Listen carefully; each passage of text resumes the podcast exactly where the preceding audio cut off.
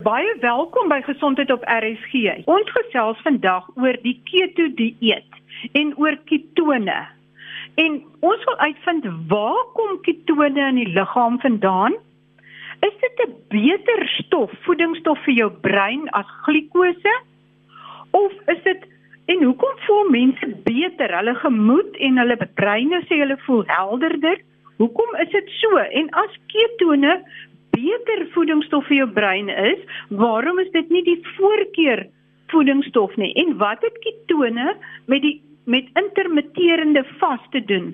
Want dit is ook baie gewild deesdae en baie groot kwessie waaroor baie mense gesels. Weet so baie mense is op keto dieete en ook op intermitterende vas wat hulle moontlik sê maar 3 dae gewoon eet en dan 4 dae uh sekere tyd in die middag ophou om te eet om dan so tussendeur kort rukkies te vas.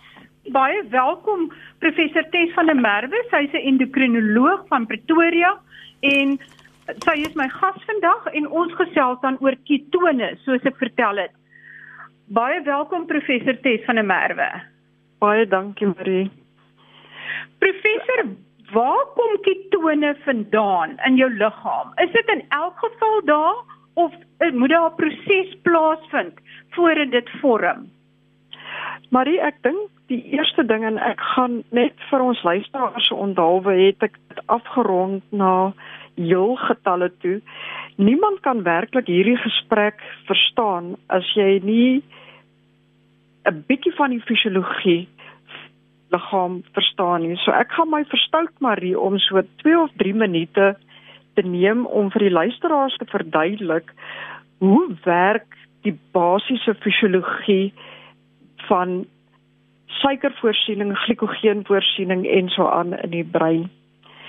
Jou brein is jou mees belangrike orgaan. Dit het 'n geweldige hoë bloedvloei van om by 750 ml uh per minuut. Geweldig hoog. Dit is in vergelyking met byvoorbeeld spier wat slegs om en by 5 ml per minuut is.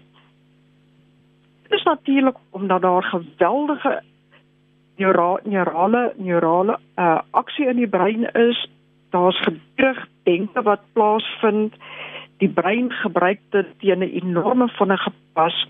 Hierin lê die dilemma wat ons het in die liggaam. Ons suiker wat ons dra in die liggaam as 'n eenvoudige suiker wat bruikbaar is, is maar ongeveer 12 gram.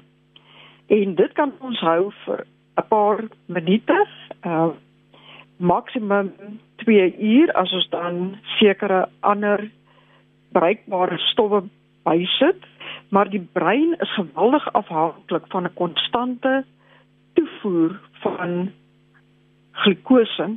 En dit is dan ook die enigste orgaan in die liggaam wat nie gebruik maak van vry toegang van glikose tot in die sel van die brein. Hy gebruik 'n baie spesifieke draermeganisme wat ons GUT3 noem.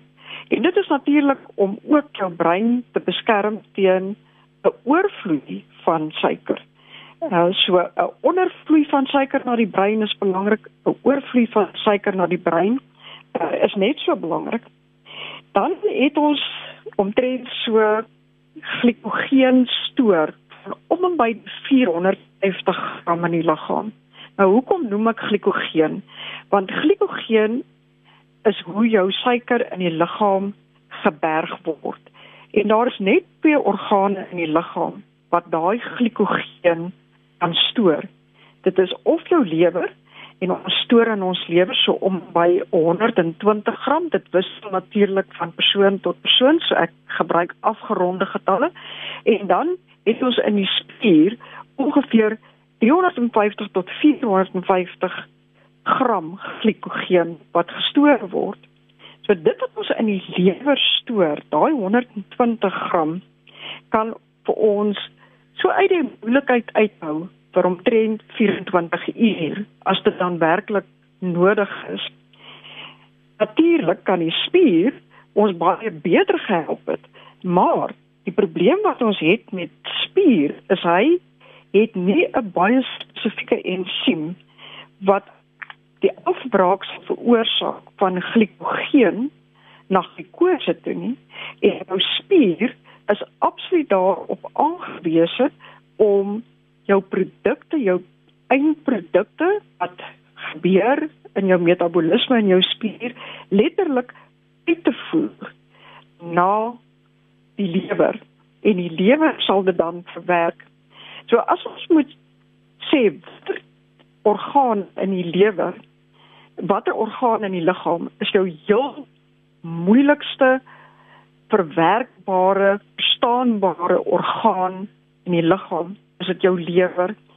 Die metabolisme wat plaasvind in die lewer is basies wat bepaal wat sal gebeur met jou metabolisme letterlik van uur tot uur, dag tot dag, minuut tot minuut. Nou, hoekom noem ek al hierdie goed? Want ons moet verstaan dat as jy op 'n spesifieke dieet gaan waar jy alle koolhidrate uit die stelsel uitverwerk of as jy dalk diabetes wat afhanklik is van insulien, is dit eintlik basies maar dieselfde konsep en ek wil vir die luisteraars mooi verduidelik dat dit wat met 'n insulien afhanklike diabetes gebeur wanneer hulle 'n tekort aan insulien het as hulle dalk nie hulle inspuiting betuis kon neem en so aan is presies wat mense probeer doen met hierdie ketogene dieet. Hulle probeer daai aksie mik. So daarin lê al 'n probleem vir die liggaam. Wat gaan die liggaam doen as daar nie 'n konstante vloei na 24 uur is van die glikogeen wat uit die lewer verwerk kan word om die brein te voer nie, soos hy gaan oor na wat ons noem 'n noodmeganisme. En daai noodmeganisme is letterlik om ander boustowwe te probeer gebruik Nou as ons kyk na hoeveelheid energie wat gestoor word in die liggaam, in die liggaam stoor ons om en by so 500 megajoules van energie in ons vetweefsel. So ons sit daar met 'n potensiële lekker stoor waarop die liggaam kan staat maak. Ons stoor so om en by 200 megajoules in die vorm van proteïene. En soos ek klaar gesê het, Die glikogeen wat ons stoor, dit is ons glikose wat ons stoor, is 'n probleem. Want na 24 uur begin die lewer desperaat rondkyk na na ander metabooliese paaie om te gryp omdat die glikogeen wat meestal in die in die in die spier sit, nie direk tot die beskikbaarheid van die lewer is nie. En wat nou gebeur is is dat die lewer sal letterlik 'n meganisme aanneem waarby hy die glikogeen wat uitgevoer word van die spier af as alanin en piruvaat, daar's verskeie afbraakprodukte, sal hy dan gebruik om byprodukte te verwerk in die lewer. Nou, daar's een van twee paaie wat gevolg word in die lewer daarvoor. Die een is of dit gaan en die die luisteraar sal waarskynlik al hierdie woord gehoor het. Dit gaan deur 'n proses van oksidasie wat eintlik net 'n fancy woord is om te sê dat hy sit deur 'n spesifieke ensimatiese pad en hy gebruik dan daai uh, metode van ekstraksie om sekere ketoon liggame te produseer. En daai ketoon liggame is net so in die algemeen staan bekend as 3-hidroksieputeraat en baie keer is hierdie produkte dan ook die produkte wat geadverteer word as sogenaamde keton produkte wat jy kan koop om jou keton dieet aan te vul en acetoasetaat. Daai is die twee. Die ander proses wat gevolg kan word met hierdie glikogeen wat nou van die spier af uitgevoer is na die lewer toe is om gliserol te vorm en gliserol naam is eintlik van selfsprekend, gliserol is 'n vorm van 'n vetmolekuule. Die lewer is die enigste orgaan in die liggaam wat dan die vermoë het om die gliserol te vat en weer om te bou in glikose. Nou as ons kyk na hoeveel tyd sou ons hê, maar dan kan ons om, om en by 55 tot 60 dae die algemene mens met algemene vetstore staat maak op die vryvetsure en die gliserol wat sou kom van die vetweefsel en die spierweefsel af. Maar die derde week van hierdie lae keton dieete of ons het dit ook al baie keer gesien in mense wat op 'n hongerstakings teendeel die meeste werk wat ooit gedoen was op hoe keton liggame geproduseer word was eintlik op prisoniers wat gevangenes wat op 'n uh, uh, manier op om te eet.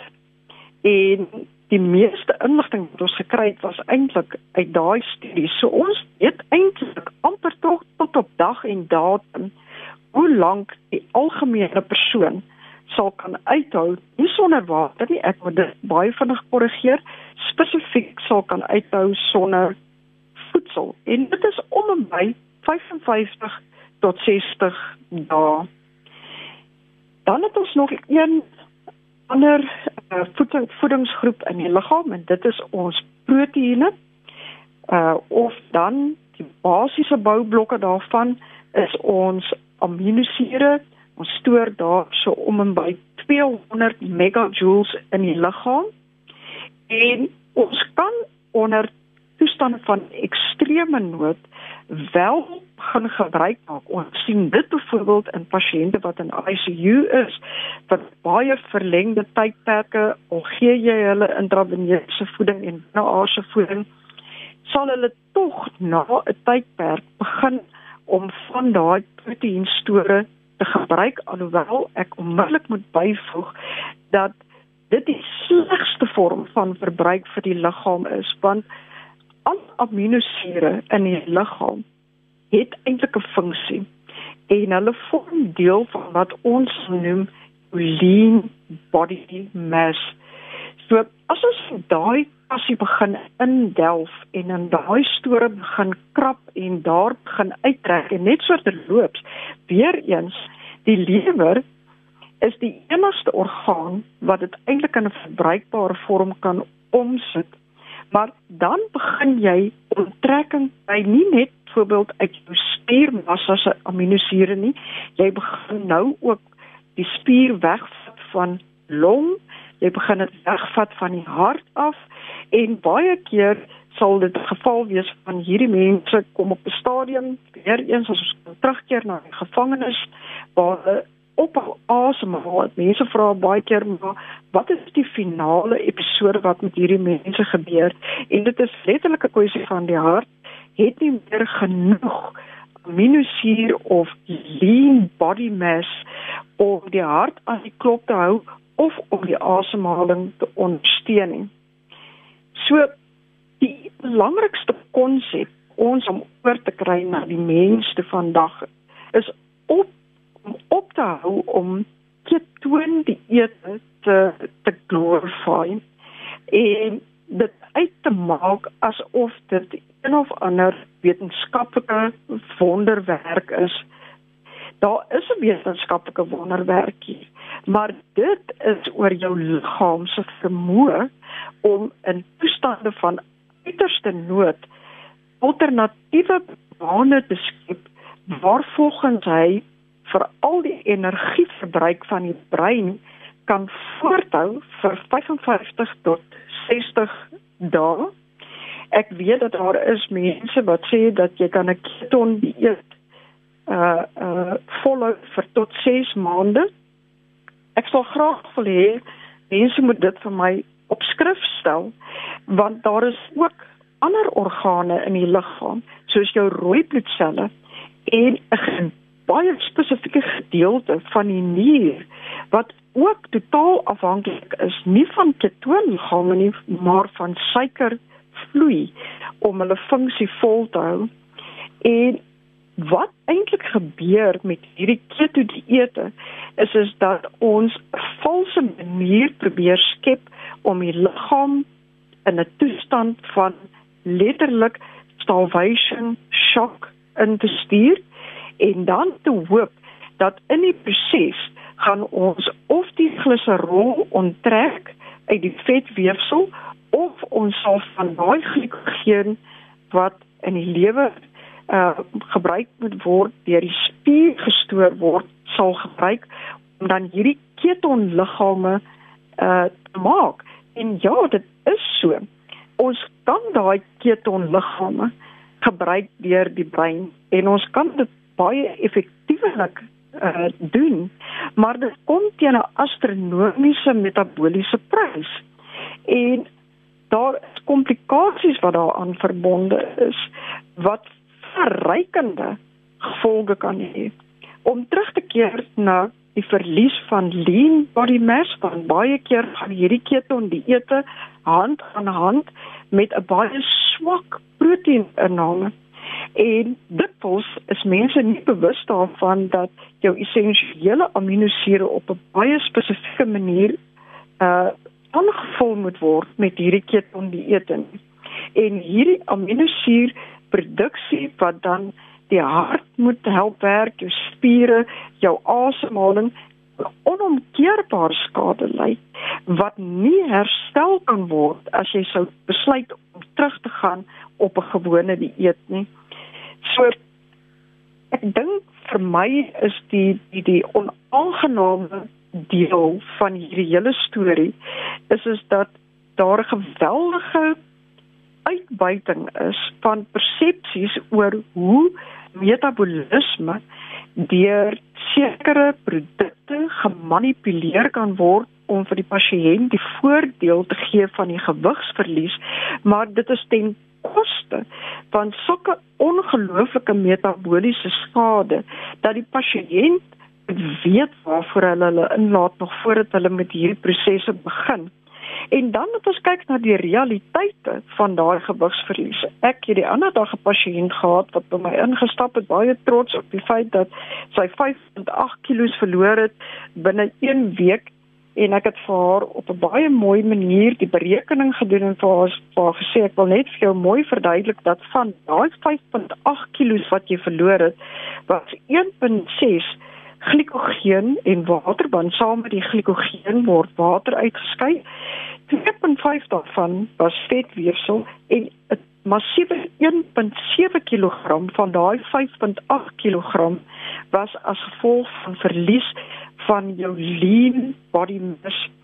So daar is inderwaarheid werklik niks om trots te wees hier nie want afgesien van die feit dat jy baie komplikasies kon gehad het soos 'n onaangenaamde uh, smaak in jou mond, 'n uh, gedihidreerde gevoel, 'n brein wat voel asof hy in verskillende rigtings beweeg om jou brein skielik moet oorgaan na die gebruik van ketone as as 'n tipe van 'n brandstof.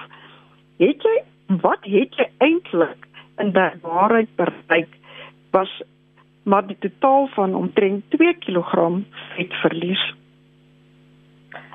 Uh, professor van der Merwe, as mens lean body mass verloor, daai spier uh, weefsel, maak dit maak dit dan nie dat jou basale metabooliese spoed, die spoed waarteen jou liggaam kosse verwerk, dan ook daal nie en dat jy eintlik dan weer makliker gewig optel nie, makliker vet stoor nie. Wat is ek nou sa sit ek nou die nee, 100% korrek. Ehm uh, en die skade word uiteindelik onomkeerbaar, maar daar's 'n ander proses wat ook gebeur, Marie, en dit is dat sodra jou liggaam ingaan in 'n fase van ketonproduksie, ingeforseer word in 'n fase van ketonproduksie, verlaag jy met onmiddellike effek ook die afskeiding van T3. Nou dit is jou 'n voorloper skildklierhormoon wat verantwoordelik is vir die handhawing van jou metabolisme. En dit is soos jy reg nou gesê het net nog 'n manier wat jy sal gebruik om jou metabolisme onmiddellik te vertraag sodat die maksimum hoeveelheid vloeibare glikose en ketone beskikbaar is vir die brein om sy funksie voort te sit En daar was al argumente in die verlede dat met hierdie keton dieete daar ook verhoging uh terselfdertyd is van jou simpatiese stelsel. Maar as jy dit op balans neem, is die verlaging van jou T3 hormoon ver meer as die bietjie ver, uh, verhoging wat jy kry in jou simpatiese aktiwiteit en jou uiteindelike uh, eindproduk is 'n geweldige vertraging in jou metabooliese spoed en soos ek gesê het van die verlies van daai spiermassa of dit nou om die hart en of dit om die longe en of dit in die spier sit kan 'n permanente gevolg word van hierdie ketoon dieete. En ek dink daar's baie Ja, ja gaan maar aan. Daar's baie van die argumente wat mense gebruik om om hierdie begrippe te verkoop wat verkeerd is. Daar word baie keer gesê ja, maar jou insulien vlakke is verhoog en omdat dit verhoog is, gaan dit lei tot die storing van vet in jou liggaam. Daai argument is natuurlik totaal verkeerd want die menslike liggaam in sy oorgewig fase word gekenmerk deur insulienweerstandigheid en dit gaan geen verskil maak op daai punt meer nie want op daai punt gaan jou hypotalamus oorneem en jou totale metabolisme sentraal reguleer en ons kan dalk op 'n ander geleentheid weer daaroor gesels. So 'n mens kan nie sê omdat jou insulien vlakke verhoog was, het jy noodwendig 'n hoër storing van van vet nie. Jy het terselfdertyd ook 'n baie vinnige vrystelling van vry vetsure as gevolg van die onvermoë van daai insulien om sy werk te doen. Professor, dan net 'n laaste vraag vinnig. Ons tyd is besig om ons in te haal. Wat het uh wat is die verband tussen die intermitterende vas en keto en ketone? Is daar verband tussen die twee? Ontwikkel mens meer ketone met intermitterende vas of is dit nie die doel van intermitterende vas nie? Dit is nie die doel nie en mens kan dit eintlik baie vinnig wetenskaplik antwoord. Jy kan eintlik jou ketone in jou liggaam meet uh, of op bloed of met 'n stokkie en ons weet dat dit neem ongeveer 7 tot 10 dae voordat jy ketoonvlakke bereik van 6 tot 7 millimol per liter. Die gewone ketoonvlakke is om en by 0.2 millimol per liter in die mens en met intermitterende vas kan jy definitief nie uitkom by daai vlak van ketoonvorming wat dit enigstens noemenswaardig sal maak.